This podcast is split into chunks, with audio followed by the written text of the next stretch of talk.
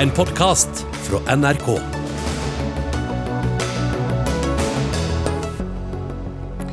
FHI innrømmer at de er usikre på effekten, men nå skal alle over 65 likevel få en tredje vaksinedose. Norge burde prioritert andre land først, mener forsker. Kommende lærere må ikke lenger ha fire i matte for å komme inn på lærerutdanningen. Trist at en ny regjering starter med å svekke ambisjonene for skolen, sier dagens kunnskapsminister. En ny bybane over Bergen, i Bryggen i Bergen er den beste løsningen for verdensarven, ifølge ny rapport. Høyre vil likevel betale tre ganger så mye for å bygge tunnel. Og gjennom hele pandemien har vi hørt om stigende arbeidsledighet, men nå er økonomene mer bekymra for alle fagfolkene vi mangler. Ja, Hjertelig velkommen til eh, Dagsnytt 18. og Denne kvelden er det Lilla Sølhusvik som er programleder. Og Da skal vi begynne igjen med koronapandemien og vaksine doser. Regjeringen vil nå tilby alle over 65 år å ta en oppfriskningsdose med koronavaksine. De over 85 og på sykehjem de skal prioriteres først, så gangen i det hele skjønner jeg, det skal være samme som sist. Og fra før så vet vi at de som har sterkt svekka immunforsvar, allerede har fått tilbud om en tredje dose. Assisterende direktør i Folkehelseinstituttet, Geir Bukholm. Hvorfor eh, er det bare de over 65 år dere eh, prioriterer nå? Det viktige nå er at vi sørger for at vi har en god beskyttelse mot alvorlig sykdom. Og eh, Opprinnelig så er det jo slik at de over 65 år, det er der vi har hatt den største risikoen for, for, alvorlig sykdom, før de ble vaksinert første gangen. og Derfor har vi tenkt at det er nyttig å sette grensen der. Så har vi også sett på studier internasjonalt hvor vi ser en antydning til at de som er i risikogrupper, i hvert fall over 65 år, der ser man en begynnende grad av svekket beskyttelse mot alvorlig sykdom. Foreløpig har vi ikke sett dette i Norge, men vi tenker at det er viktig å være føre var. og å gi denne beskyttelsen nå før vi får eventuelt en vinterbølge, og særlig en vinterbølge kombinert med influensa. Men Da du la fram dette på en pressekonferanse i dag, så la du ganske stor vekt på at eh, dere er usikre om dette. Usikre på effekten. Ja, Vi er nok ikke usikre på at vi får en beskyttelse og at vi får en forlenget eh, immunitet. Det er vi ganske sikre på. Men, eh, men det vi er litt usikre på, er jo om, det, om, man kunne ha ventet litt lenger med å gi denne tilleggsdosen, eller om det er det riktige tidspunktet akkurat nå. Og, og nettopp den vurderingen i forhold til en, en, en sjanse for at vi får en, en, oppblomstring av epidemien i løpet av vintermånedene, den har telt ganske mye. Og ikke minst også dette med at vi får en influensasesong samtidig med dette, og at vi ikke hadde noe influensasesong i fjor. og det, det kan tyde på at vi kan få en ganske alvorlig influensasesong. Sykepleierforbundet har allerede vært ute i dag og sagt at eh, helsearbeidere burde også få. Hvorfor får ikke de en tredje dose allerede nå? Ja, For det første så får helsearbeidere over 65 år de får jo tilbud om en tredje dose. Eh, andre, Men de fleste er vel kanskje under 65 år? De fleste andre er under 65 år. Eh, samtidig så er det slik at de under 65 år de har god beskyttelse mot eh, sykdom. Så den viktigste vurderingen i forhold til helsearbeidere er jo å vurdere hvorvidt de kan være smitteførende i forhold til sine pasienter og de øvrige personer de håndterer i helsetjenesten. Og Den eh, vurderingen skal vi gjøre, den har regjeringen bedt oss om å gjøre. Nettopp. Helse- og omsorgsminister Bent Høie, du la vekt på eh, i denne pressekonferansen i dag at pandemien er ikke over ennå, og særlig fordi at pandemien virkelig herjer i andre land. Derfor skal Norge donere tre millioner Janssen-vaksiner til andre land. Hvorfor det? Nei, Det er jo eh, fordi vi har jo et sterkt behov for å bidra til at andre land får kontroll på pandemien. Det er jo viktig for de landene, for menneskene som bor der. Det er land som jo har en enda svakere helsetjeneste enn det vi har. Eh, så er det òg viktig for oss sjøl, både fordi at det er med på å ta verden videre etter pandemien, og så er det òg med på å beskytte oss mot eventuelt nye mutasjoner. Så her er vi både av solidaritet, men òg av en egen interesse. Og det, totalt så vil Norge bidra til over 30 millioner vaksinedoser internasjonalt. Og det er jo over dobbelt så mange doser som vi vil bruke i Norge om vi kommer til at vi skal vaksinere hele befolkningen tre ganger. Altså ikke bare de over 65 år. Men altså, disse Janssen-vaksinene de har vel ligget litt på lager uansett, så det er vel vaksiner vi egentlig ikke trenger nå? Nei, dette, dette er det som skjedde, Det, vi har tidligere besluttet at alle disse vaksinene skal doneres. Det som er nytt i dag, det er at Norge gjennom vår juridiske eh, bidrag har klart å lande en avtale mellom Janssen-selskapet eh, og Covax, sånn at disse faktisk blir distribuert eh, etter hvert eh, som, som det er mulig. Så, men, men, når jeg spør sånn, så er det jo fordi at disse Janssen-vaksinene de, det er ikke snakk om å gi de som en tredje vaksine uansett? Det er det ikke. Det er sånn at det er Pfizer-vaksinen vi kommer til å bruke som en tredje vaksine. Men Norge bidrar ikke bare med de vaksinene som ikke bruker sjøl. Eh, vi har jo inngått avtaler som gjør at vi uansett regnet med at vi har bestilt mer vaksiner enn det vi har behov for, nettopp for å kunne bidra til andre land, og for å bidra til å øke produksjonskapasiteten. For det er jo det som er knapphetsfaktoren. Når Norge da tidlig forplikter oss til å kjøpe mer vaksiner enn det vi sjøl hadde behov for, så bidro vi til å finansiere opp eh, vaksineproduksjon som nå kommer disse landene til gode. Eh, du har skrevet en kronikk du, om den ubehagelige sannheten om Norges globale vaksineinnsats. Katerine Storeng, du er førsteamanuensis i global helse ved Universitetet i Oslo. Blir eh, sannheten om Norges globale innsats litt mer behagelig med nyheten du fikk i dag? Kanskje litt, men vi hører jo hele tiden at det er fullt mulig å gjøre to ting samtidig i det eh, globale vaksinekappløpet. Og det er å beskytte vår egen befolkning og samtidig hjelpe til å beskytte folk i andre land. Og det er virkelig en sannhet med modifikasjoner, for det som jo har skjedd, er at vi nå i Norge nesten er fullvaksinerte og skal gi en tredjedose til deler av befolkningen. Samtidig som vaksinasjonsdekningen i store deler av verden er svært lav. I Afrika er det vel ca. 4% som er fullvaksinerte. Så det er jo ikke helt riktig, eh, slik det legges fram, at vi har bidratt eh, på, med alt vi kan for å utjevne denne ulikheten. Hva mener du burde vært gjort?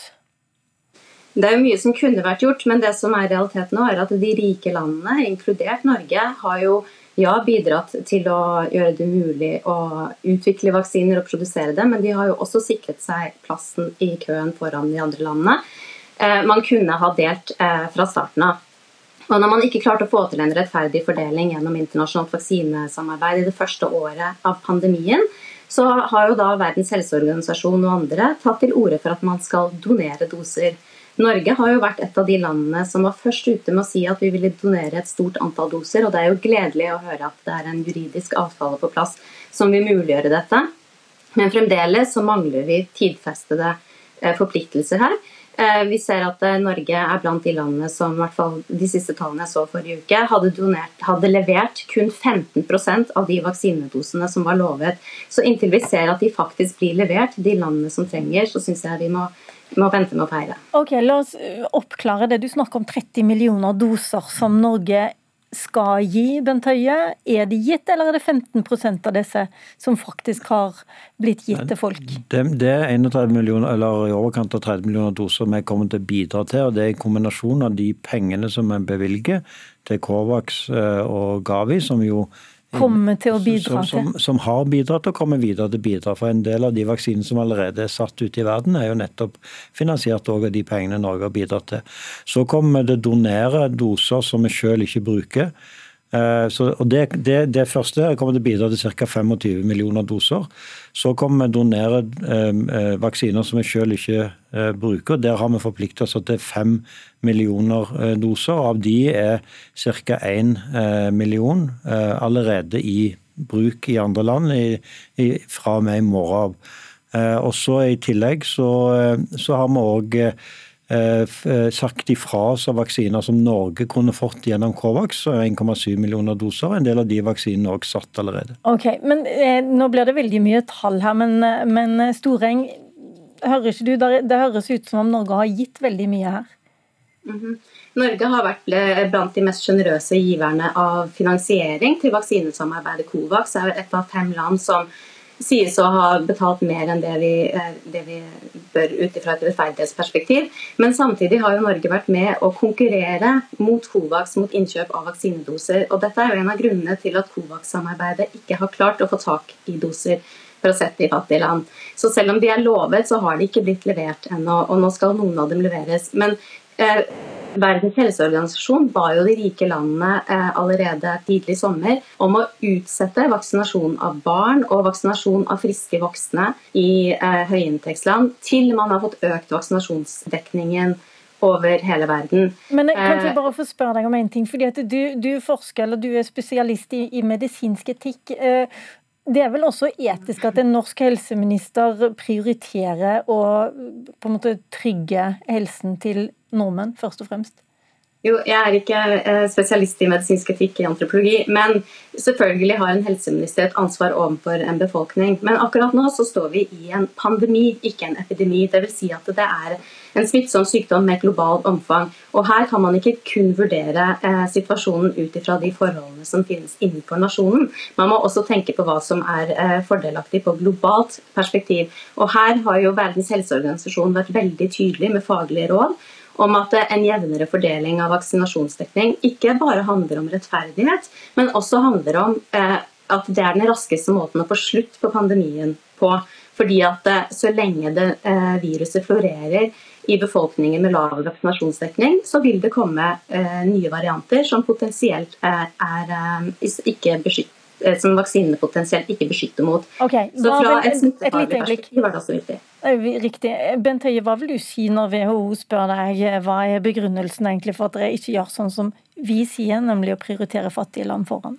Nei, fordi at uh, Vi har et ansvar for å beskytte vår egen uh, befolkning. Men så vil mitt svar på det være, men vi har òg muligheten til å gjøre det WHO ber oss om, nemlig bidra til vaksinasjon av resten av verden. Og som også vi er helt enige i, Norge bidrar langt utover det en rekke andre land gjør. og Hvis andre land i verden hadde bidratt like mye som Norge, så hadde denne situasjonen sett eh, annerledes ut. Mer. Så hovedsvaret er at andre er verre enn oss? Eh, nei, ikke verre enn oss, men hvis andre hadde vært like gode som oss, så hadde situasjonen vært, eh, vært bedre. Og det er jo, Jeg mener òg at det er òg ut ifra tredjelands eh, situasjon, sånn at det vil ikke hjelpe de hvis vi f.eks. mister effekten av vår beskyttelse gjennom de vaksinene vi har, har brukt, og, og, igjen kommer i en pandemi. Det øker òg risikoen for nye mutasjoner. Det er òg sånn at mange av disse landene er hardt ramma av den økonomiske nedgangen, og, og det er jo ikke minst knytta til den økonomiske nedgangen i de vestlige Eh, landene. sånn at hvis okay. vi får mer fart på vår økonomi igjen, så vil òg det tjene resten av verden. Ok, Jeg tror ikke vi kommer lenger, lenger i den debatten nå, men jeg har lyst til å spørre deg, Geir Bukholm, til slutt. Det vil vel også være et behov og et ønske etter hvert at eh, alle under 65 også skal få en tredje dose?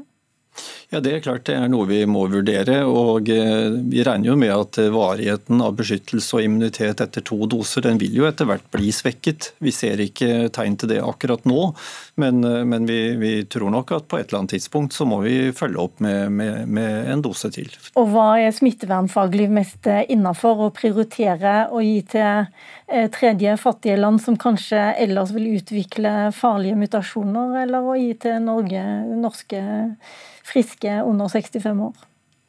Altså, vårt mandat innenfor Folkehelseinstituttet det er å vurdere hvordan vi skal forvalte de dosene vi har i Norge, og innenfor den rammen og det mandatet vi har. Så, så den diskusjonen i forhold til andre land, den overlater vi til politikerne. Ok, men Da prøvde jeg meg i hvert fall. Tusen takk, Geir Bukholm, assisterende direktør på Folkehelseinstituttet. Takk til Bent Høie, helseminister, og takk også til Katerine Storeng, som var med oss fra England i dag.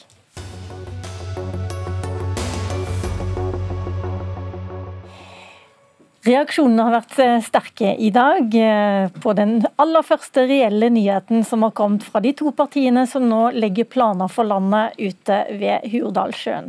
I Dagsnytt så hørte vi at kravet om karakteren fire i matematikk for å komme inn på lærerutdanningen skal skrotes, mens eh, f.eks. Utdanningsforbundet har jubla og sagt at dette var jammen på tide, så kaller du dette for bakstreversk og litt trist, kunnskapsminister og venstreleder Guri Melby. Hvorfor for det? Altså Det er jo skuffende, men ikke overraskende at det første som kommer på skolepolitikk, handler om å senke ambisjonene og senke kravene.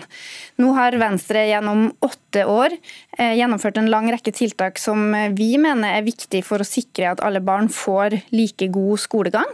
Eh, det å stille krav til dem som skal komme inn på lærerutdanninga, det å gjøre den om til en femårig mastergradsutdanning, og det å stille krav om at lærerne må kunne fagene som de underviser i, og ha studiepoeng i de fagene. Og det vi har sett er jo at det er veldig mange piler som peker i riktig retning for norsk skole. Vi får stadig flere kvalifiserte lærere, stadig flere lærere i norske skoler, og det er også sånn at flere elever gjennomfører og fullfører videregående skole. Så um, det her er jo noe vi har advart mot gjennom hele valgkampen, men nå ser vi altså resultatet. Når Arbeiderpartiet og Senterpartiet finner sammen, så senker man ambisjonene, og dem som blir skadelidende for det, det er norske elever. Var det det som var meningen, Torstein Tvedt Solberg? Du er utdanningspolitisk talsperson i Arbeiderpartiet, å senke ambisjonene i skolen? Nei, det er det ikke. og Her er vi bare ganske uenige i hva som er utfordringen i norsk skole. Men la meg bare først si at Jeg er veldig glad for denne lekkasjen. Jeg kunne ikke tenkt meg noen bedre måte å markere verdens lærerdag enn å nå avklarer at eh, vi får til en endring både på avskiltingen og fire krav i matematikk, som har vært krav som lærerne har hatt veldig veldig lenge. Og De har hatt de kravene fordi lærerne er de som best ser utfordringen i norsk skole som den er nå. Vi har en økende lærermangel. Det er rekordmange ukvalifiserte som underviser i norsk skole. Og vi vet at det viktigste for god kvalitet i skolen, for at ungene skal lære noe, det er en kvalifisert lærer med lærerutdanning. Men er man mindre kvalifisert hvis man slipper å ha fire i matte? Ja, med fire i matematikk. Ja, Merk eller for kvalifisert, unnskyld. spørsmålet. Nei, Det er jo nettopp fordi vi er opptatt av kvalitet. Vi vil ta vekk dette firerkravet fordi vi er opptatt av kvalitet i alle fag. Og nå vet vi jo at vi skyver ut veldig mange motiverte, flinke ungdommer som kanskje har lyst til å bli norsklærer, engelsklærer eller naturfaglærer, og de får ikke engang muligheten til å begynne på på lærerstudiet. Så Det er kvalitet som er hovedgrunnen til at vi gjør dette, og ikke minst at vi får gjort noe med den fallende søkningen til lærerutdanningen, at det står så mange studieplasser tomme nå. Ok, Før dere begynner å krangle om de har gått opp eller ned, så skal jeg bare si at eh, lærerutdanningssøknaden har vel gått sånn noenlunde litt opp og litt ned, men i år så gikk den veldig ned, Guri Melby. Og Kan det være bl.a. at man har stilt litt for strenge krav for å komme inn på denne lærerutdanningen? Eh, hvis det var en direkte sammenheng mellom de kravene vi stiller, og da har jeg lyst til å minne om at vi stiller krav om tre i norsk og fire i den enkleste matten. Så det er to av de fagene som forvalter de grunnleggende ferdighetene, egentlig. Lesing, skriving, regning, der vi stiller karakterkrav. Og Hvis det var en direkte sammenheng, så skulle man jo tro at det fallet kom med en gang vi innførte de kravene. Men det så vi ikke noe til. Eh, det gikk egentlig litt opp de første årene, og så har det gått litt ned nå. Jeg tror nok det fallet nå handler Altså, jeg tror det handler litt om pandemi.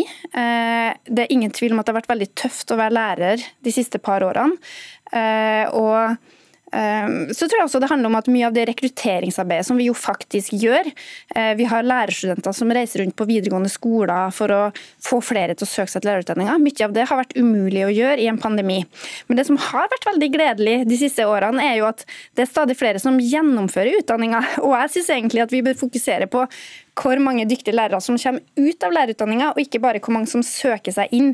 Og det vi så da vi stilte firerkrav i matte og treerkrav i norsk, er at gjennomføringsgraden har økt fra å ligge på noen og 50% altså hvor mange som kommer seg gjennom på normert tid, til at den har blitt over 60% Og Det er også ganske viktig at de som begynner, får til å fullføre, og ikke minst at de er godt eh, kvalifisert til å gjøre en god jobb for norske elever over hele landet. Flere fullfører, Solberg, er ikke det bra?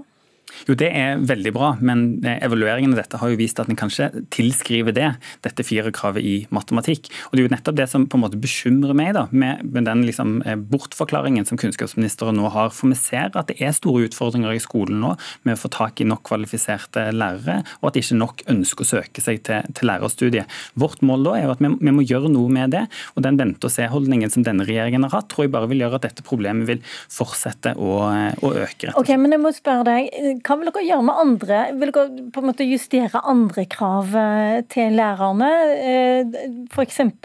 norskkravet. Der eh, trenger man bare tre. Er ikke det mer relevant egentlig at alle lærerne kan norsk og formulere seg korrekt?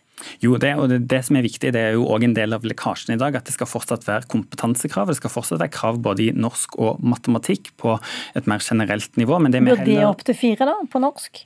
Nei, det, det, mener ikke jeg at det, det bør oppse til fire. For det vi er mer opptatt av, at det må være krav basert på de fagene du skal undervise i. For det er der en bommer litt nå, at du må ha krav om fire i matematikk, men en skal ikke nødvendigvis undervise i matematikk.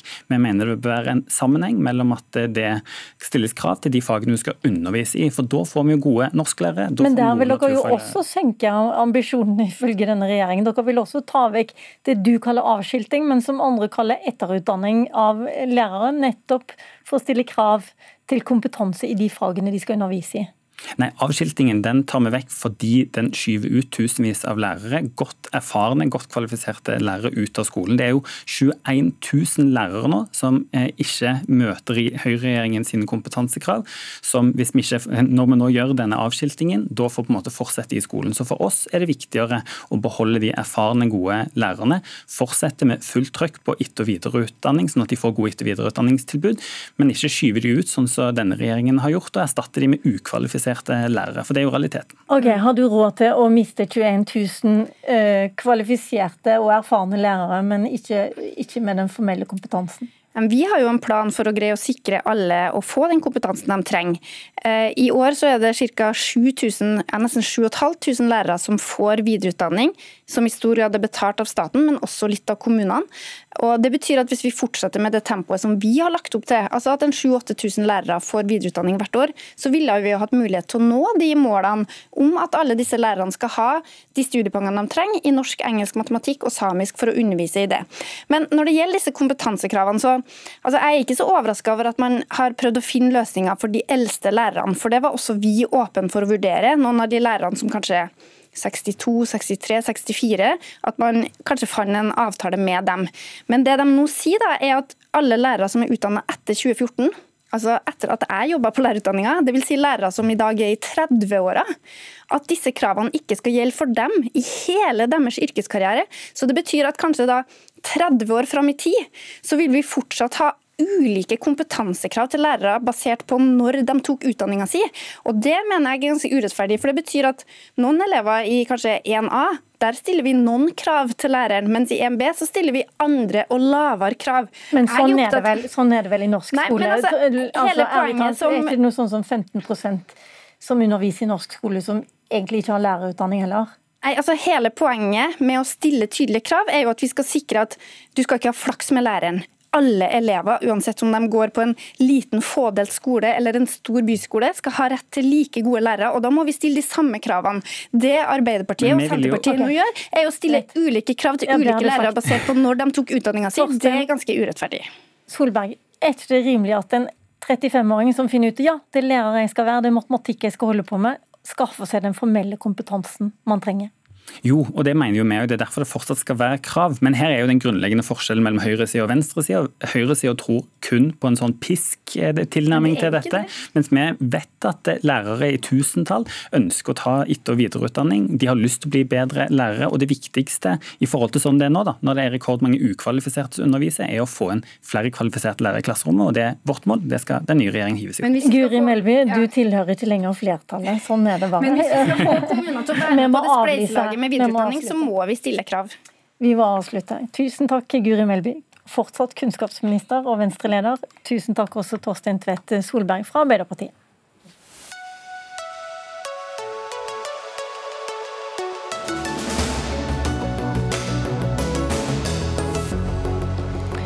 Senere i sendingen så skal vi høre at Storebrand vil ha oss til å investere i bærekraftige fond, og det kaller DN-kommentator for eh, udokumentert grønnvasking. Men det skal vi høre altså mer om nå. Norsk økonomi får et oppsving det nærmeste året, men mangel på arbeidskraft kan legge en demper. Det viser altså NHOs nye økonomisk overblikk, som de utgir eh, med jevne mellomrom. Aldri før har så mange NHO-medlemmer meldt om knapphet på arbeidskraft som nå i tredje kvartal, sier du Øystein Dørum, som er sjeføkonom i NHO. Når var det det bikka fra den tida da vi hadde pandemi og alle snakka bare om hvor grusomt det er med disse høye arbeidsledighetstallene? Hvor var det det butta? Det begynte å butte tror jeg allerede på, på, på, forsommeren, men det har løftet seg ytterligere nå på, på sensommeren. og Det handler jo om at eh, bunnen eh, som følge av pandemien, aktivitetsbunnen, den var jo egentlig i april i fjor, men så tok det ganske lang tid før man begynte å nærme seg nivået vi hadde før pandemien. Det nådde vi, eller passerte vi i juni.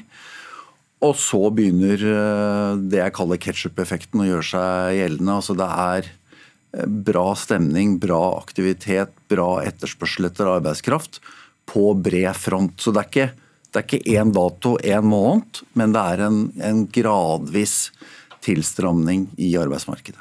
Men fortsatt er arbeidsledigheten høy? Den er ikke det, altså. Den er Nå er Uh, Hvis man tar de 60 000-70 000 ja, arbeidsledige? Og, og, og, selvfølgelig litt avhengig av hva man bruker som, som referanse. Men, men, nå, ved utgangen av september, så var den registrerte ledigheten bare litt høyere enn det den var i september 2019. Altså tilsvarende måned før pandemien. Ok, men La oss snakke litt om framtidsvyene, for ja. det er jo det dere snakker om i dag. Eh, hvor stor blir mangelen på arbeidskraft, og hvor er det man mangler folk? Nei, det er, Dette som skjer er litt sånn overraskende. Eh, fordi at eh, all den tid vi ikke er tilbake på de ledighetsnivåene vi hadde, det tror vi ikke skjer før eh, neste år, og kanskje tidlig i, i, neste år, så skulle man jo tro at man ikke fikk den type eh, knapphet. Men her er vi sannsynligvis rammet av et sammenfall av omstendigheter. Oppsvinget har kommet veldig raskt, og det tar tid for en bedrift å få tak i arbeidskraft, finne rette vedkommende, ansette rette vedkommende. Vi har halvannet år hvor aktiviteten har vært unormal, så noen har kanskje begynt på skolebenken i stedet. Noen har trukket seg ut av arbeidsmarkedet. Innreiserestriksjoner gjør at mange virksomheter, særlig innen tjenesteyting, ikke får tak i arbeidskraft. Og, og, og, det kan også være det vi kaller strukturelle endringer. At vi på et vis har for mange flyvere, men vi mangler IT-folk. IT så selv om ledigheten i gjennomsnittet er OK, så kan det være skeivheter i hvordan dette er fordelt.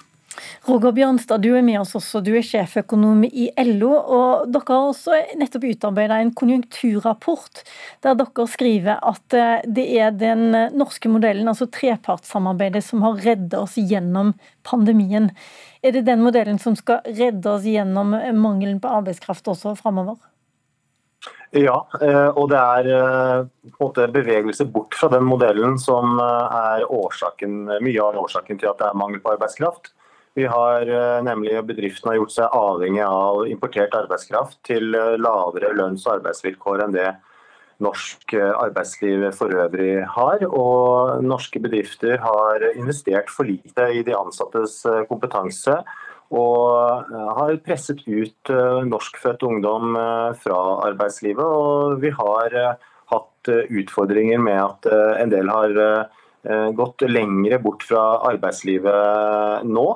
Eh, som følge av 15 år med sosial eh, dumping og underinvestering i kompetanse. Men Regner du da med at eh, alle disse arbeidsinnvandrerne som har vært med på å presse lønningene, de, de kommer ikke tilbake? Jo, vi har jo åpne grenser og de er velkomne tilbake. Men det vi må passe på nå, er å håndtere den tilbakekomsten på en mye bedre måte enn det vi gjorde for 15-17 år siden. Det vi er nødt til å gjøre nå, er å passe på at det norske arbeidslivet eh, ansetter eh, folk til norske lønns- og arbeidsvilkår. At vi får hele faste eh, stillinger. Som at bedriftene og myndighetene sammen kan investere i kompetanseheving og utdanning for det framtidige norske høyproduktive arbeidslivet. Er det dette du forbereder medlemsbedriftene på? Litt høyere lønninger eh, til de ansatte og mer kompetanse? Jeg tror Den dagen det sitter en NHO-representant og sier at nå skal lønningene opp, så har du møtt en NHO-representant på oppsigelse. Nei, det altså, ante meg at du ville ja, si noe sånt. Ja, mm -hmm. Nei, eh, lønningene det får vi forhandle om når vi møtes enten lokalt eller, eh, eller sentralt. Men hvis det kommer færre arbeidsinnvandrere til landet, så betyr vel det at lønningene må opp? Hvis det kommer færre arbeidstakere til landet, så betyr det at man, da blir det større kamp om de arbeidstakerne som er her. Eh, så det er delvis en forutsetning for, for høyere lønnsvekst. Ja, men så er det som, som Roger er inne på, at eh, da er det vesentlig også å sørge for at man mobiliserer de arbeidskraftreservene man har i form av de som står på utsiden av arbeidslivet, enten det er unge eller middelaldrende, folk som har utilstrekkelig kompetanse, som kan få, altså, bruke mer ressurser på kompetansebygging, få folk gjennom skolen osv. Så, videre. så at uh, det er ikke et uh, det er ikke et mål for NHO å sørge for at vi har færrest mulig sysselsatt av de som bor her, og så hente billig arbeidskraft eh, utenfra. Hvordan, hvordan, skal man løse utfordringene, syns du? Nei, Dette er eh, blant de mest krevende utfordringene vi står overfor. og Det er ikke uten grunn at det sitter utvalg og forsøker å utrede, utrede dette. Dette handler om eh, kompetanse, selvfølgelig. Vi har et høyt lønnsnivå i Norge sammenlignet med andre land. Vi har en sammenpresset lønnsstruktur, små lønnsforskjeller mellom topp og bunn relativt til andre land. Det innebærer at de som skal få jobb i Norge på ordinære vilkår, de må være produktive, de må ha høy kompetanse. Så der er vi jo helt enige. Det bør vi, det bør vi sikte mot. Og så er det en del grupper som, hvor du kanskje i tillegg må hjelpe dem inn i arbeidslivet på andre måter. Praktikantstillinger, prøveansettelser, sånne type ting. Roger Bjørnstad, hvordan, eh, hvor enkelt blir det det var kanskje et ledende spørsmål, men, men, hvordan blir det å få nordmenn inn i de ledige jobbene som, eh, som, er der nå? Hva skal til for at eh, de som er ledige, faktisk kan gå inn på de jobbene som ledige? Mm. Det viktigste det er å ha et sterkt arbeidsmarked med et høyt behov for arbeidskraft. Den, de, markedskreftene som kommer ut fra et sterkt arbeidsmarked, det kommer de som har falt ut uh, til gode. Men vi må være mye flinkere nå på å motarbeide arbeidslivskriminalitet og sosial dumping. Eh, vi er nødt til å eh, gjøre en gjennomgang av lovverket som hindrer eh, de som er i gråsonen å utnytte det. Og Der har vi nettopp et Fogner-utvalg som har kommet med en smørbrødliste av ting som bør gjøres i, i lovgivningen for å sikre hele, faste, fulle stillinger. Og så må vi jo om, må vi organisere opp arbeidslivet der hvor mange års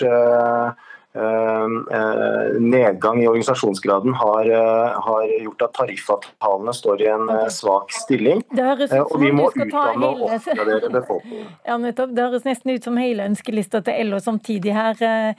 Dørum til slutt. Nei, bare, bare avslutningsvis. Altså, Roger etterlater et inntrykk at det liksom er sosial, all innvandring dreier seg om sosial dumping, og det er selvfølgelig ikke tilfellet. Altså, arbeidsinnvandringen gir spisskompetanse, den bidrar til å ta unna topper både i bedrifter og for økonomien som, som helhet. Og brorparten av de arbeidsinnvandrerne som er her, de jobber på ordinære vilkår til ordinære eh, okay. lønn, bl.a. takket være allmenngjøringsinstituttet, som fungerer.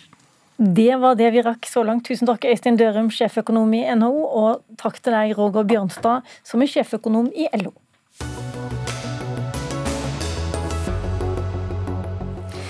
Skam og avsky, det er reaksjonen fra den katolske kirken i Frankrike etter enda en rapport som viser hvor omfattende seksuelle overgrepene har vært mot barn. Ifølge den nye rapporten så ble 330 000 barn misbrukt av kirkens menn og lekfolk over en periode på, 60, nei, på 70 år. Den katolske kirke har de siste årene fått mange anklager om seksuelt misbruk av barn retta mot seg, og pave Frans har fordømt enhver form for overgrep, og sier kirken har et ansvar om å beskytte barn og sårbare voksne. Ola Kjørom, du er med oss, du er professor emeritus i teologi og har befatta deg mye med denne tematikken. Det er jo et veldig, veldig høyt tall. 330 000 barn. Hvilken type misbruk er det det er snakk om? Ja, Tallet er jo, er jo dypt eh, sjokkerende. Um, og eh, la meg legge til at Her er det jo også ofte snakk om store mørketall, for det er jo en, sterk belastning å gå ut med den type anklager. Så det er alvorlig. Når det gjelder den type overgrep vi her står overfor, så eh, jeg tror det er Veldig ofte så tror jeg folk tenker at det er relativt uskyldige ting. altså En liten klaps på baken eller noe sånt. Men her dreier det seg i realiteten om veldig alvorlige forbrytelser. Og Jeg kan referere til en undersøkelse fra USA som kom eh, nå for en drøyt ti år siden, riktignok, men tallene står ved lag. Og Den dokumenterer jo at i disse overgrepssakene så dreier det seg da om i, i, i drøyt 27 av tilfellene så er det snakk om, om oralsex. I 25% av tilfellene så er det snakk om penetrering. Og Her er det særlig gutter mellom 11 og 14 år som rammes. Um, Men dette var en rapport fra USA. Er det grunn til å tro at det er like ille i Frankrike? Ja, det tror jeg absolutt. Altså, det, det, er veldig liten grunn til å tro dette. Det er jo ikke bare USA, men vi kjenner jo tilsvarende tilfeller fra Tyskland og fra Nederland osv. Belgia, ikke minst. Sånn at eh, det, det er viktig å, å, på en måte få understreke at her dreier det seg om alvorlige forbrytelser. Eva Bivan, du er nylig ansatt som prosjektleder mot eh, forebygging av overgrep i den eh, katolske kirken i Norge. Hvordan reagerer du på at det kommer enda en rapport som er dyster lesing om eh, seksuelle misbruk i den katolske kirken? Mm. Jeg kan være enig med professor Kjerom at dette er jo sjokkerende tall og veldig trist å høre. Samtidig jeg kan ikke si så veldig mye mer om denne rapporten. Dette er jo i Frankrike. Jeg kan ikke så god kjennskap til Frankrike og den katolske kirken i Frankrike i de siste 70 år. Det er jo hele mitt liv. Eh, men samtidig jeg tenker også at det er veldig bra at denne rapporten kom ut. Fordi den viser at kirken nå bryr seg og prøver å rydde opp, og at vil ha åpenhet og alle fakta på bordet. Eh, og det er viktig å se fremover. Hva kan vi gjøre med dette? Hvordan, hvordan kan man um, forebygge at sånne ting skjer? Og Det er nettopp det som vi jobber med også i Norge, og det har vi jobbet nå i ganske mange år, faktisk. Men det var først nå i april at du fikk en halv jobb i ja. den katolske kirken for å prøve å forebygge. Hvor mye får man gjort på en halvdagsstilling ja. fra Bergen når man har 40 menigheter rundt om i landet? Ja, altså Ikke enda så veldig mye, men jeg må bare si at eh, jeg var involvert i dette faktisk eh, siden nesten 2000. fordi det var da Det katolske kvinneforbund foreslo at man skulle lage en beredskapsplan mot overgrep, selv om vi hadde ikke noen cases i Norge den gang egentlig som vi visste om. Men denne planen ble da laget i 2003. Og den ble fornyet to ganger, i 2013 og nå 2019, fordi eh, mye både i norsk lov og fra Vatikanet har endret seg. Og Som resultat av den siste endringen så, så ønsket man å fokusere separat og ekstra på forebygging. Mm. Og Der kom denne stillingen min. Frem, altså Siden april og til nå så laget vi en del retningslinjer. Og jeg var på prestemøter i Nord-Norge og i uh, Oslo katolske bispedømme og skal til Trondheim snart var veldig godt mottatt av, av prestene. Og fra november så skal jeg reise rundt og holde kurs i alle de nesten 40 menigheter i Norge. Nettopp. Jeg må bare spørre deg, Ola Kjørom.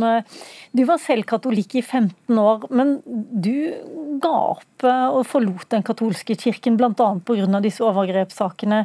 Har du tro på at det nå, det nå blir rydda opp med alle rapportene, og med den jobben ikke minst som Eva Bivan skal nå gjøre i, i Den norske kirken?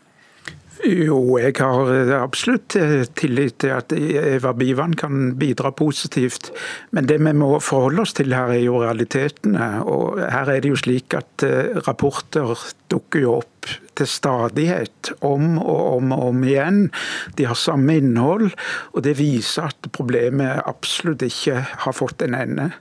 Så Hvordan kan disse problemene få en ende? Det er vel et samfunnsproblem også?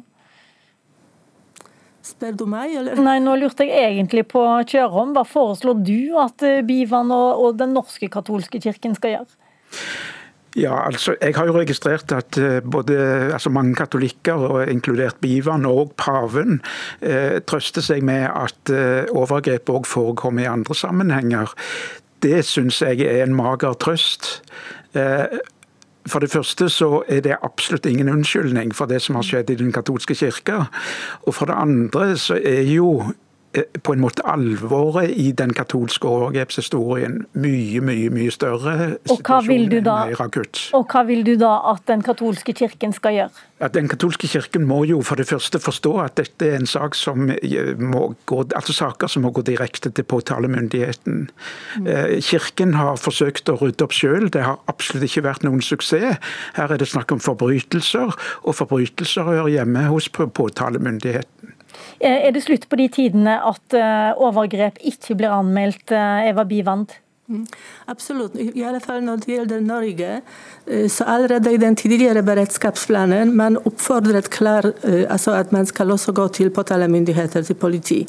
Så, men når vi jobber med innen i kirken, så hvis det, hvis det overgrepsgjelder eller er begått, eller den mistenkte er en kirkelig medarbeider, så da har vi plikt til å melde fra til kirken. Sant? Vi har jo kirkelige instanser og kanaler hvordan dette skal gjøres. Og så oppfordrer vi også at man skal gå til politi. Okay. Så, så, her i Norge vi skal ikke unngå dette, sant? selv om jeg er klar over at i andre land kanskje det var ikke sånn helt. At, men, men, Kirken nå faktisk er klar over dette og oppfordrer til det. sant? Da eh, hører vi du sier det, Eva Bivan, og ønsker deg lykke til med jobben som prosjektleder mot forebygging av overgrep i Den katolske kirke. Tusen takk også for at du var med, Ola Kjærholm, professor emeritus, som det heter, i teologi.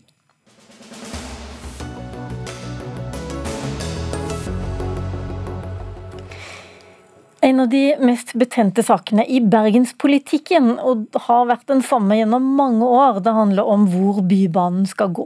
Valget står mellom en tunnel eller eh, en bane som går foran de ikoniske middelalderhusene på Bryggen, som står på Unescos verdensarvliste. Nå har prislappen kommet, og en eh, bybane i tunnel vil være nesten tre ganger dyrere enn trasé langs Bryggen. Oddgeir Øystese, reporter i NRK, jeg skal ikke si du har fulgt hele bybanedebatten, men kanskje de siste ti åra. Hvorfor er denne debatten så utrolig betent? I Bergen så er det diskusjon om alt som forandrer på sentrum. Og selvsagt òg om Bryggen, som er det mest bergenske av alt bergensk. Dette er jo en styrke ved byen, men òg litt tungvint. Og Det som en er redd for, er jo at ved å legge Bybanen langs Bryggen, så endrer en denne ikoniske fasaden for alltid. Selv om det går en vei der, så føler jeg nok at et valg med å putte bybanetraseen da stenger en for alle disse mulighetene en ser for seg, med at dette kan bli den store møteplassen for bergensere. Så kommer det argument med at en ødelegger hele verdensarvstatusen, og mange andre som bidrar til en ganske oppheita debatt med sterke kjensler her i byen. Men eh, hvor mye forandrer den rapporten som kom denne uka? Hva sier den rapporten? Fortell oss litt mer om det. Ja, han, han kom jo med en pris, det er det ene. Hvor mye dyrere blir det å bygge en bybanetunnel istedenfor å la banen gå i dagen? Og Det er litt mer enn to milliarder kroner mer. Og så er det usikkert med tunnel. Det kan være mer skadelig, tror sommer, fordi at en kan få setningsskader på hus osv. Og så er det jo en grunn i, under det gamle Bergen som inneholder, ja, hvem veit, kan være veldig kostbart å grave ut, rett og slett. Så han konkluderer egentlig med at det er billigere å bygge i dagen. Det er en usikker gevinst med å bygge tunnel, det blir litt dårligere kollektivtilbud. Og så blir det jo en politisk avgjørelse da, om det er verdt pengene å ta seg råd til tunnel. Og motstanderne sier jo at en har ikke utgreid ordentlig å få Bybanen vekk ifra dagslyset og inn i tunnel. Det er mange løsninger en burde sett bedre på. Men eh, hovedoppgaven var vel å se på hvor stor er faren for verdensarven, og da mener de at eh, faren ikke er større ved å legge denne bybanen over Bryggen? Ja, Tidligere rapporter har tatt opp eh, nettopp det, og sier at by, eh, verdensarvstatusen ikke er i fare ved å legge banen over Bryggen. Men i disse rapportene peker en òg på at eh, det er problematiske sider ved å legge en, eh, en, eh, en bane som dette langs med bybanetraseen. Så mener de som jobber med dette her i Bergen at selve verdensarven den begynner ikke der som det går bilvei i dag, på den nyere kaien. Den begynner lenger inne, og at det derfor ikke er nødvendigvis slik at verdensarvstatusen er i fare. Nettopp. Og da lurer jo jeg på, Charlotte Spurkeland, samferdselspolitisk talsperson i Bergen Høyre, hvorfor dere likevel insisterer på å bruke tre ganger så mye penger på å legge Bybanen i tunnel, framfor å legge den over Bryggen i Bergen? Altså det er I ti år så har det vært et stort flertall i Bergen for å legge Bybanen eh, i tunnel. Eh, flertall blant eh, politikerne, flertall blant befolkningen. Så Det er jo derfor vi har jobbet for det her. Det handler om å få både en raskere bane, som bringer folk eh, frem eh, fortere. Det handler om å rett og slett gjøre Bryggen til en samleplass for hele byen. Hvor man virkelig får utnyttet det, det store plasset som er der, og det fantastiske man kan få til. Og så vet vi at tunnelløsning er dyrere enn en dagløsning, og da har vi sagt at vi er villige til å se på andre steder man kan spare inn på traseen, sånn at man får til det her. For det er så viktig for, for bergenserne, for legitimiteten legitimiteten til, til, bystyret og alle de som eh, har stemt på oss, for de ønsker at eh, vi skal få til en bybane i tunnel. Tor Håkon Bakke, du er byråd for klima, miljø og utvikling og representerer MDG. Eh, to milliarder ekstra i et samferdselsprosjekt, men så vant man at disse milliardene bare hagla av gårde. Det høres ikke fryktelig mye ut? Nei, Det kan man si, eh, men, eh, men, selvfølgelig når vi har fått et eh, tilslag i Nasjonal transportplan, og det ligger egentlig på den, på den kostnaden som vi har regnet med at det skal, skal koste, nordover mot nord i Bergen, Åsane og utover der, og få til mye god byutvikling for pengene, så, så blir jo selvfølgelig investeringskostnader en del av det. Men la meg først si at det er liksom viktig å si at at det fagnotatet og de faglige anbefalingene som har kommet frem nå.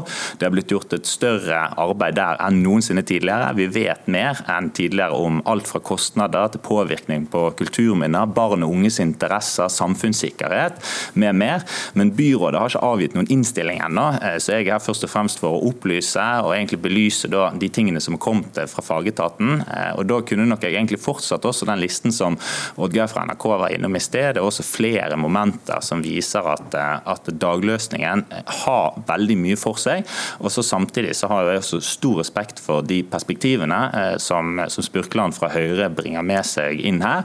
Men det er viktig for meg å si at eh, dette er en mulighet til å nullstille debatten litt, sette seg inn i det faglige innholdet på nytt, og så ha en kunnskapsbasert tilnærming til hvilke eh, løsninger som er best. Dagløsning det forstår jeg når Bybanen ser dagslys og ikke går gjennom en tunnel. Og så er det vel også sånn at Byrådet i Bergen har gått inn for denne bybanen over Bryggen? Det er ingen hemmelighet eh, hva som står i byrådsplattformen, men nettopp eh, pga. bl.a. disse tingene som Spurkeland er innom med tanke på legitimitet, har det vært viktig for oss å gjøre. Eh, at dere nå er nøytrale? At fagetaten har gjort et godt stykke faglig arbeid. De er tydelige eh, i sin anbefaling. Eh, men eh, selvfølgelig, vi har ment det vi mener tidligere, men vi har ikke lagt frem vår innstilling ennå. Og nå er det også tiden for å lese seg opp på det som har kommet frem. Okay. Og så ha en god politisk debatt også etter okay. La oss starte litt på den debatten. Charlotte Spurkeland, tror du ikke på at den faglige vurderingen er så veldig faglig, siden han kommer fra byrådet? Eh, altså, den faglige eh, vurderingen kommer jo fra fagetaten og ikke fra, fra, byrådet, så det er jo greit å ha med seg. Og eh, Vi skal selvfølgelig lese den eh, skikkelig. Det er mye eh, interessant som kommer frem der, og det vi har fått presentert så langt. så Det skal vi sette oss eh, godt inn i. Men det viktigste for oss er jo å få til en god tunnelløsning. Nå har man jo vist at det er mulig å gjennomføre en tunnel. Eh, og så er det en hel rekke utfordringer. Blant Bl.a. så har man valgt å eh, ha et utløp rett ved det som er Mariakirken, som er et av Bergens aller eldste bygg, som også har veldig mange kultur, kulturminneverdier som man ønsker å ta vare på. sånn at det er en del ting med det tunnelforslaget som er lagt frem som vi mener ikke er godt nok, og som vi har lyst til å utrede videre. Men det viktigste for oss er jo å få frem at vi ønsker å jobbe for at vi får det brede flertallet som er i bystyret i dag, som er i folket for at vi skal eh, få realisert en bybane som går i tunnel. Og Det er viktig at vi blir ferdig med den saken også. Det er, for, det er også viktig for legitimiteten for, eh, til oss politikere. Ja, men Det var derfor, det, det skulle jeg til å spørre deg litt om. fordi at eh, Hvor lenge skal du be om faglige utredninger egentlig? Debatten har gått lenge, som, som du sier. Ja, altså jeg tenker at Nå må vi lande denne saken, og bystyret må si om man vil ha en tunnel eller en dagløsning. Eh, vi i Høyre er helt tydelige på at vi ønsker at man skal jobbe videre med tunnelalternativet. Og så er det sånn at her sammenligner Men altså, Unnskyld meg, hva, hva trenger du av utredninger? Du har jo egentlig bestemt deg, sånn som jeg hører deg nå. Eh, du, det høres altså, ikke ut som du helt tror på at det er en bedre løsning for verdensarven å legge det over bybanen, bybanen over Bryggen? Nei, altså Vi er helt tydelige i vårt program på at vi ønsker eh, bybane i tunnel, så, så det, det, er bra at jeg er tydelig på det. Eh, men, men, det som er tingen at uh, utredningen på tunnel den er kommet mye kortere enn den som er på dagløsningen. Så man sammenligner heller ikke uh, epler og pærer. Så vi mener at man må jobbe videre med den tunnelutredningen, sånn at den blir bra nok til at man faktisk kan si at man kan bygge den banen. Ok, Kan jeg bare stille et spørsmål? Jeg bare lurer på, Det er vel sånn at Bybanen holder på å bygges nå til Fyllingsdalen. og Hvis ikke man skal bruke veldig mye mer penger og få en solid utsettelse, så må man ta en avgjørelse ganske snart. Men hvor snart da, Bakke? Nei, altså det vi vet er jo at Fremdrift er viktig. Vi ønsker en kontinuerlig utbygging av Bybanen. og Charlotte Spurkeland var selv ute og feiret eh, på vegne av Høyre når vi fikk penger i Nasjonal transportplan til Bybanen. og Hun har også nå fått kunnskap som sier at eh, Bybanen blir jo ganske forsinket. Snakk om eh, flere år hvis man går videre med tunnel. Det handler ikke om at vi har ligget på latsiden og ikke jobbet godt nok med arbeid og utredningsarbeidet. Tvert imot. og jeg synes også at dette med kulturminner, som også Spurkeland er inn på, eh, med tanke på Mariakirken og verdensarvstedet Bryggen, der er jo Cuva-konsulenten, eh, altså en konsekvensutredning for verdensarven, eh, en professor fra Tyskland som har ledet arbeidet, veldig dyktig, er tydelig i sin tentative rapport, som nå også da skal legges ved dette arbeidet frem til bystyret om noe tid, på at en dagløsning er bedre enn en tunnelløsning. og Det handler bl.a. om de tingene som Oddgeir var innom i sted. Det handler om grunnvannssenkning. Det handler om risiko, og det handler om eh, setningsskader, altså skader på bygningsmasse osv. Selv om du hadde fjernet det stoppet eller den rømningsveien, eller hva nå enn det eh, egentlig må være, til, altså utenfra eh, med Mariakirken der, så er det fremdeles sånn at hvis man skal ha et stopp i sentrum, så må du ha en rømningsvei. og Man har jobbet seg frem til at det er det som er alternativet. Okay. Det ligger faglig solid arbeid der. Men, og dette er litt viktig, for Spurkeland var innom det, det vil alltid foreligge, det fagfolkene sier nå, en restrisiko hvis man går for tunnel. Dvs. Si at man kan ikke klare å planlegge seg 100 ut av det. Så det høres, vet hva, du kan ikke Så er det dagløsningen eh, ved Bryggen som er det som fremstår som det beste alternativet. Det er noen ulemper å sitte i et studio i Oslo når, når, debatten foregår i Bergen. og Dette er en av de. Jeg er nødt til å avslutte denne debatten nå. Tore Håkon Bakke, som er byråd for klima, miljø og utvikling. Og takk også til deg, Charlotte Spurkeland, som er samferdselspolitisk talsperson for eh, Bergen Høyre.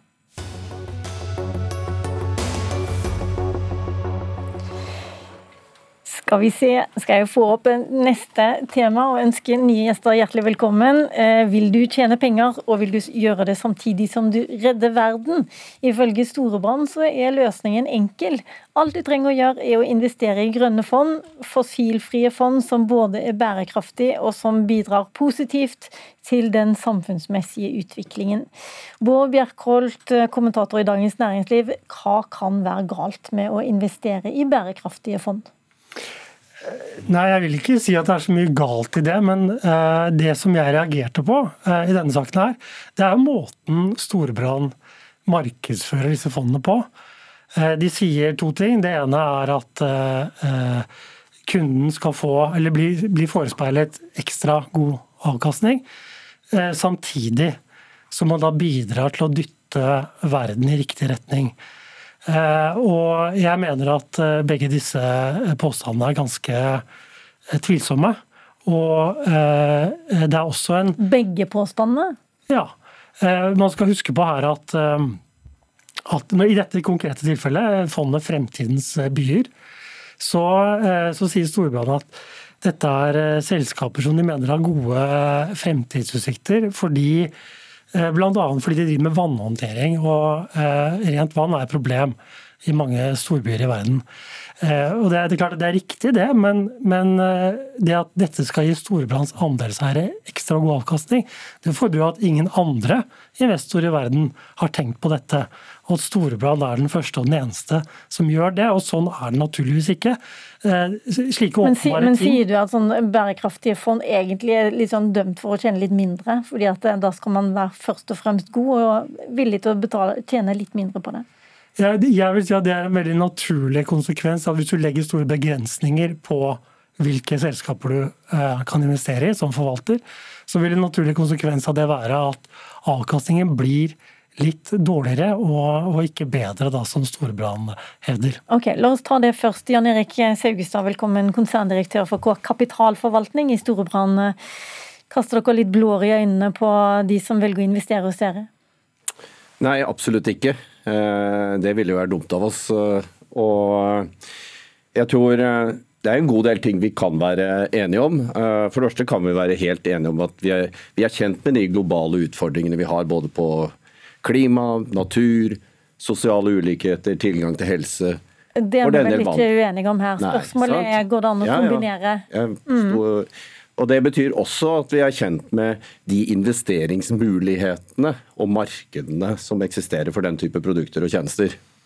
Vår jobb som forvalter er jo da å finne ut hvilke selskaper er godt posisjonert for det. Og vi er absolutt ikke de eneste som ser etter disse selskapene. Det ville jo være veldig rart.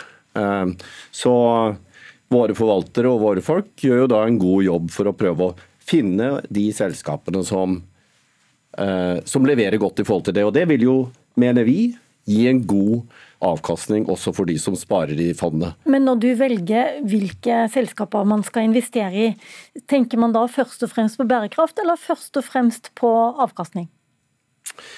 Vi leter jo etter gode investeringer som samtidig har gode løsninger eller Så begge produkter. deler er mulig, mener du? Absolutt, det er jo noe av vårt hovedbudskap. Vi har jobbet med bærekraftige investeringer i 25 år. Dette er ikke noe vi har hevet oss på nå fordi det har vært populært, eller er populært. Eh, og vår erfaring er at det er absolutt mulig å investere bærekraftig og skape en god eh, avkastning. Hvorfor mener du dette er feil markedsføring, Bjerkholt? Nei, det er fordi det, det er veldig liten dokumentasjon som tilsier at uh, i dette tilfellet dette rammeverket som kalles ESG, som, stå, som er tre områder som, som, både tar hensyn til klima og miljø, som tar hensyn til i hvilken grad selskaper oppfyller det man kan kalle et samfunnsansvar, og som også ser på hvordan selskaper styres. Det er veldig lite som tyder på at dette gir noe ekstraordinær avkastning. Det er heller sånn at noen ESG-fond gjør det bra, eh, noen gjør det dårlig. Og noen gjør det sånn gjennomsnittlig, og det er jo som andre men, aksjefond som ikke bruker det. Og men jeg, det synes at det, Når jeg leser kommentaren din i Dagens Næringsliv, så virker det som om du nesten syns det er litt naivt og tullete bare å prøve. Nei, altså Når man skal snakke om eh, det, så tror jeg det er viktig å ha med seg at Storebrand som en fondsforvalter er et eh, selskap som er opptatt av å tjene penger. Ja, Men nå eh. har, frir de jo til kunder som vil tenke på flere ting samtidig. Og det, Kanskje de er villige til å tjene litt mindre penger, men å gjøre det bærekraftig. Men det, ja, og det, det, det, det, hadde ikke jeg hatt noe imot hvis Storebrand sa det. Hvis de sier at ok, dette fondet vil antagelig Eh, koste deg litt avkastning. Men vi tror kanskje du kan det kan gjøre verden bedre. Men det er ikke det de sier. De sier at du får i pose og sekk. Og det er det veldig lite som tyder på. Men det som derimot okay, er tilfellet La meg bare få svare på det. Er ikke det litt naivt å si at man det koster det ingenting å satse på de mest bærekraftige selskapene? Ja, vi, vi mener jo at de selskapene som har løsninger på noen av disse globale utfordringene, er gode investeringer. De har store markeder foran seg. Det har jeg skjønt, ut, men det hadde jo ikke vært nødvendig da, hvis, all, hvis, dette var de beste investeringene uansett, så hadde det ikke vært nødvendig å kalle det en bærekraftig fond, eller det ja, nå er det jo ulike typer fond, da, bare så ikke vi blander alt sammen. Vi har jo disse litt mer spisse tematiske fondene, som var det Bård eh, kommenterte, som er rettet mot spesifikke typer selskaper. Og så har vi bredere bærekraftige fond som tar hensyn til både miljø, natur, sosiale forhold og, og eh, selskaper med en god corporate governance. Eh, begge strategiene mener vi vil skape en god avkastning. Eh, og bare for å korrigere Bård litt. Eh, de siste årene så har det kommet mye dokumentasjon fra akademia som viser at det å integrere bærekraft i investeringen og forvaltningen skaper bedre risikojustert avkastning. Ok, Bjerkholt, Har du noe eksempel veldig kort til slutt? Har du noe eksempel på det du mener blir feil? Nei, altså Et eksempel er på at disse bærekraftsratingene er problematisk å bruke. Det er jo, Hvis du tar et selskap som Facebook, som mange har et forhold til, hvis du ser på hvordan det scorer på eh, samfunnsansvar, så har det en rating som går fra null til 100, altså det beste du kan få, avhengig av hvilken leverandør du spør. Så Det viser jo eh, hvor eh, håpløst dette rammeverket er, og hvor dårlig guide det er til, til, å investere i aksjemarkedet. Jeg tror rett og slett bare de som skal investere må følge med på dette her, fordi at vår tid er omme. Tusen takk for at du kom, Bård Bjerkholt, kommentator i Dagens Næringsliv. Tusen takk for at du også kom, Jan Erik Saugestad i Storebrand. Mitt navn er Lila Sølhusvik. Ansvarlig for sendingen var Gro Arneberg og Hanne Lunås. Du har hørt en podkast fra NRK. Hør flere podkaster og din favorittkanal i appen NRK Radio.